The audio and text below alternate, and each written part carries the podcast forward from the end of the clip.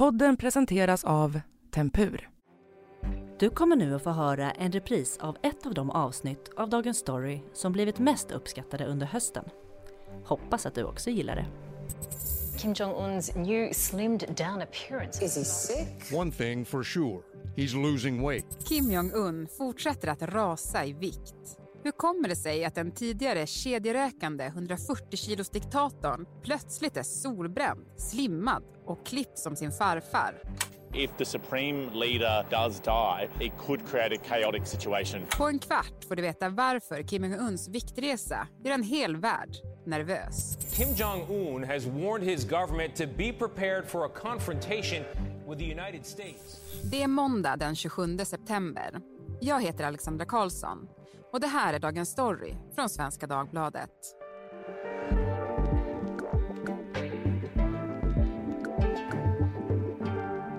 Gunilla von Hall, SVDs utrikeskorrespondent i Genève. Du har ju faktiskt träffat Kim Jong-Un. Hur mycket vägde han då? Jag eh, träffat kanske att ta i, men jag har stått bredvid honom två gånger när jag var i Nordkorea för ett par år sedan. Och det var en gigantisk militärparad och sen så var det också på en jättestor show med massa gymnaster i Pyongyang. Och då var Kim Jong-Un eh, rund som en ballong kan man säga. Han var klädd i en elegant svart dräkt och han var leende som han alltid är. Han gick inte utan snarare rullade fram och han var då runt 140 kilo, BMI på 47 och alltså extremt fet. Det är en totalitär diktatur, en regim där människor lever liksom i en propagandakokong. I det här landet då så är personkulten gigantisk och Kim Jong-Un han är liksom både mamma och pappa och gud och landets ledare i ett. Så att hans hälsa är både jätteviktigt för landet och befolkningen men också ett mått på hur, hur stabilt läget är i Nordkorea. Mycket hänger liksom på hans hälsa och osäkerheten om om han skulle falla ifrån eller drabbas av en allvarlig sjukdom, vad, vad, vad händer då med Nordkorea? Vad händer med kärnvapnen?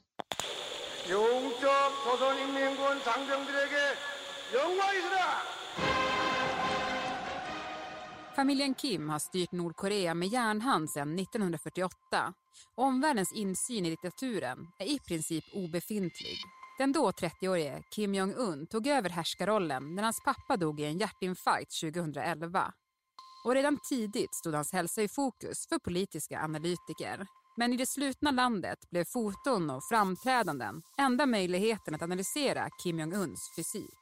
Under det historiska toppmötet med Donald Trump 2018 detaljstuderade läkare bland annat hur många andetag han tog per minut och drog slutsatsen att han möjligen hade lungproblem. Och i somras blev Kim Jong-Uns kropp återigen uppmärksammad. Nu för att han rasat i vikt. Och när han nyligen deltog vid landets 73-årsfirande kunde omvärlden se hur hans viktresa fortsatt. Han var borta en månad och så kom han tillbaka och då så såg ju analytiker då, de mäter ju hans klockarmband. Det är så man brukar se hur han går upp och ner i vikt. Och då hade man sett att han då var tvungen att sätta in klockan ett par hål till. Man har gjort noggranna analyser. Och då så drog man slutsatsen att ja, han har gått ner i vikt. Han är också tunnare i ansiktet och kläderna sitter lösare. Man tror han har gått ner runt 20 kilo. Och då väger han kanske runt 116. Han är 1,70 lång. Det betyder att han fortfarande har BMI som är eh, över 40 och då är gravt, har grav fetma. Så det är fortfarande att han lever farligt. Man vet inte hur han har gått ner. Det spekuleras ju förstås sjukdom, eller är det så att han har bättre diet och börjat träna och har regim liksom för, för sin, eh, sina matvanor. Har han gått igenom en fettsugning av något slag eller har han opererat sig? Spekulationsvågorna går höga. Det verkar inte, säger analytiker, som att det är en sjukdom för att han, han går liksom som förut han håller sådana här timslånga tal som förut så han verkar liksom inte tröttare. Och hans, hans hustru då, Ri Sol-Ju som hon heter, hon har länge klagat på hans övervikt och sagt att du måste liksom sluta röka och gå ner i vikt. Så att han kanske har, kanske har han gått igenom någon slags eh, diet. Varför blir just hans hälsa en fråga för politiska analytiker? Det sker ju inte riktigt med någon annan ledare på det sättet. Nej, och det är det att man har ingen insyn i Nordkorea. Det är som en egen planet alltså. När man är inne i Nordkorea så är man på en helt annat, helt annat solsystem.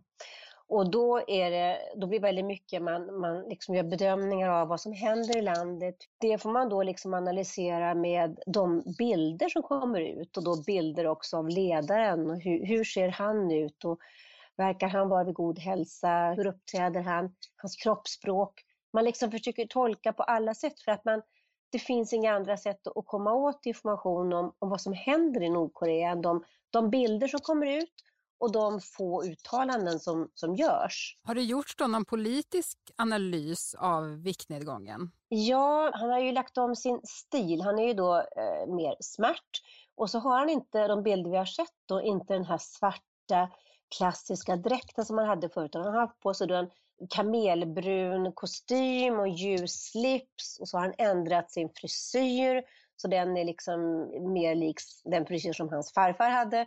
Och han ser liksom lite mer västerländsk ut på något sätt. Och det är som att han kanske, jag vill sända, eh, som analytiker då diskuterar, vill han sända en signal att han ska liksom ha blivit mera, närmat sig väst på något sätt, att vilja framstå som mera modern i sin framtoning. Kan det vara så att han vill då med att han ändrar sin frisyr och har nu sin farfars frisyr?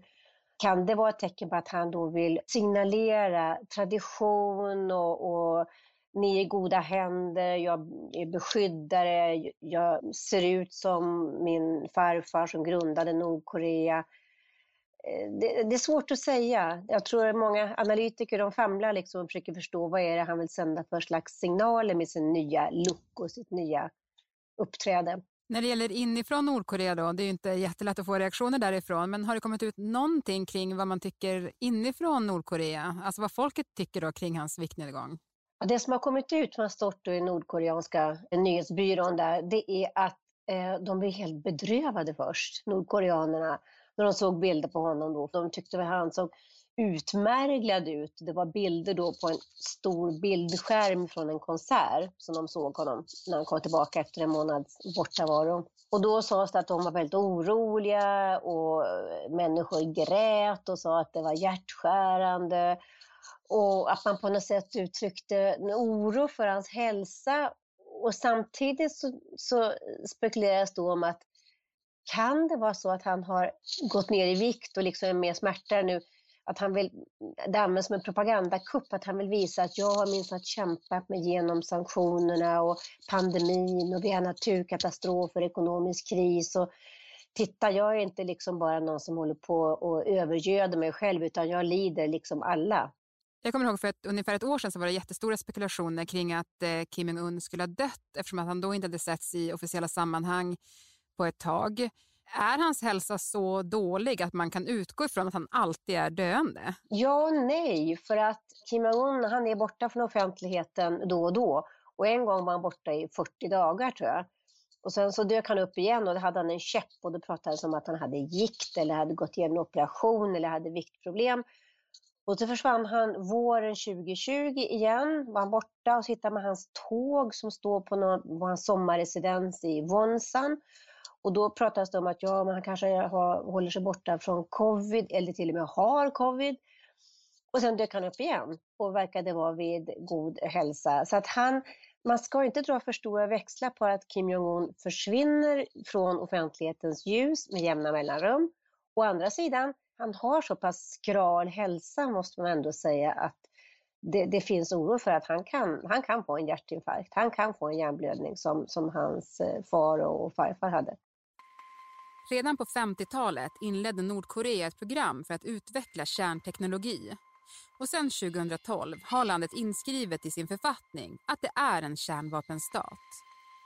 Försöken att få Nordkorea att avveckla sitt kärnvapenprogram har varit många och landet står just nu under stränga sanktioner från omvärlden.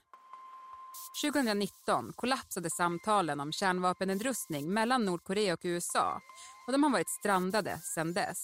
Nordkorea ska ha avfyrat robotar ut mot Japanska havet. Believe it or not, you are looking at a missile being launched from a train in North Korea. I mitten av september avfyrade Nordkorea flera missiler som skapade stor oro i omvärlden. Det var de första testerna sedan i mars och det rörde sig dels om kryssningsrobotar som inte är förbjudet enligt FN Men det stannade inte där. Men sen ett par dagar senare så avfyrade han två stycken såna ballistiska kortdistansrobotar. Och sådana robotar, de är förbjudna av FN. Och det gjordes dessutom från ett tåg.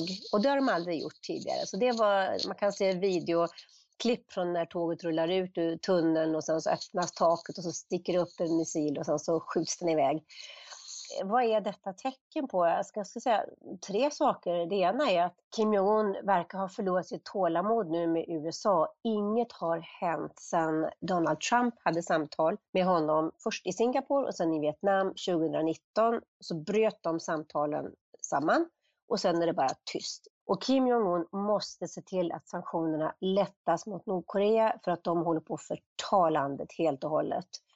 Och då vill han kanske på det här sättet, liksom, ja, med nya militära muskler, öka pressen på USA att liksom antingen lätta sanktionerna eller kom tillbaka till någon slags samtal. För att eh, någonting måste hända, det är dödläge sedan 2019. Det kan också vara så att Nordkorea vill liksom visa att kolla här, vi håller på att diversifiera våra möjligheter hur vi kan skjuta missiler. Vi skjuter från marken, vi skjuter från olika fordon. Nu skjuter vi också från tåg. Och de vill också, sägs det, skjuta missiler från, lyckas skjuta missiler från ubåtar. Så att de vill liksom visa att eh, vi håller på att utveckla vår, vår vapenteknologi. Eh, Och sen tredje skälet kan ju vara att de vill liksom stärka uppfattningen att vi är tuffa och starka fortfarande. Nordkorea, vi klarar oss, vi har ett inhemskt försvar, liksom, han vill boosta moralen, för den är nog ganska låg i Nordkorea nu med tanke på att de har ekonomisk kris, de har livsmedelskatastrof, det är hungersnöd och de har covid, förmodligen, fast det inte är, sägs så officiellt. Men om det här då var ett sätt för dem att bryta dödläget med USA, hur, hur effektivt tror du att det är? Det kan fungera. Alltså, hittills är det så att de har inte riktigt... Biden har väl gjort några så här trevare Eh, och sen så har tydligen Kim Jong-Un bara visat eh, ja, sig kallsinnig till det. Han väntar på att Biden ska på något sätt säga något om vi måste, eh, ni måste lätta på sanktionerna. Så att eh, hittills har inget hänt. Det är som båda två väntar i sin, på sin planhalva. Jag tror Kim Jong-Un kanske hoppas nu på att Biden är så intrasslad i liksom den här inhemska debatten i USA om, om kaoset runt Afghanistan och då kanske det kunde vara, kanske Biden vill göra något annat för att komma ifrån all uppståndelse kring det. Och det kanske då Kim Jong-Un hoppas att då kan han kanske locka honom och, komma tillbaka till något slags samtal eller i alla fall fortsätta någon slags kontakt med Nordkorea för det står helt still och, och Kim Jong-Un vill att något ska hända. Och det här måste ses, tror jag, som att en provokation eller en signal i alla fall, en varning till USA att ni måste, något måste hända. Och till sist då Gunilla, vi har ju pratat om hans hälsoproblem, men vad skulle det innebära om det verkligen skulle hända honom något? Ja, om Kim Jong-Un faktiskt skulle dö, då skulle vi kanske för det första inte få veta det på en gång, utan som med hans pappa och hans farfar så tog det ett antal dagar eller veckor innan, han med, innan det meddelades. För stabilitetens skull antar jag. Och sen då den som står strax bakom honom, det är hans lilla syster Kim Jo-Jong. Och hon har ju liksom förberetts under många år för att kunna ta över, eller i alla fall vara hans högra hand. De står varandra väldigt nära. Och tar hon över så spekuleras det om att hon kommer att i alla fall hålla samma linje som han och kanske i början bli ännu mer tyrannisk och hård för för att liksom sända en signal till folket att här ska inte någon större förändring ske. Så ingen stor förändring att vänta på kort sikt. Tack Gunilla von Hall för att du var med i Dagens Story. Tack. Nytt år, ny start. Kanske var du en av dem som lovade dig själv ett hälsosammare liv vid tolvslaget. Att börja träna och dra ner på nikotinet är två vanliga nyårslöften. Men för att ha orken till något av dem krävs bra sömn. Det kan du få med hjälp av en madrass eller säng från Tempur. Det högteknologiska materialet hjälper madrassen forma sig efter din kropp oavsett längd. Vikten fördelas och tryckpunkter jämnas ut. En säng från Tempur garanterar bra sömn. Nu till 15% lägre pris. Programmet idag klipptes av Daniel Sävström.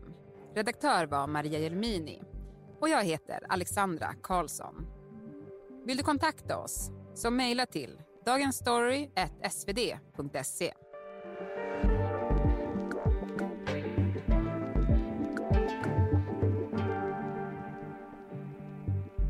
Klippen som hördes i dagens program kom från ABC News, CBS News och Sveriges Radio Ekot.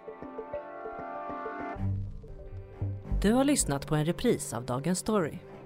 Under jul och nyår publicerar vi färre avsnitt än vanligt. Men den 10 januari är vi tillbaka igen som vanligt. 15 minuter varje vardag.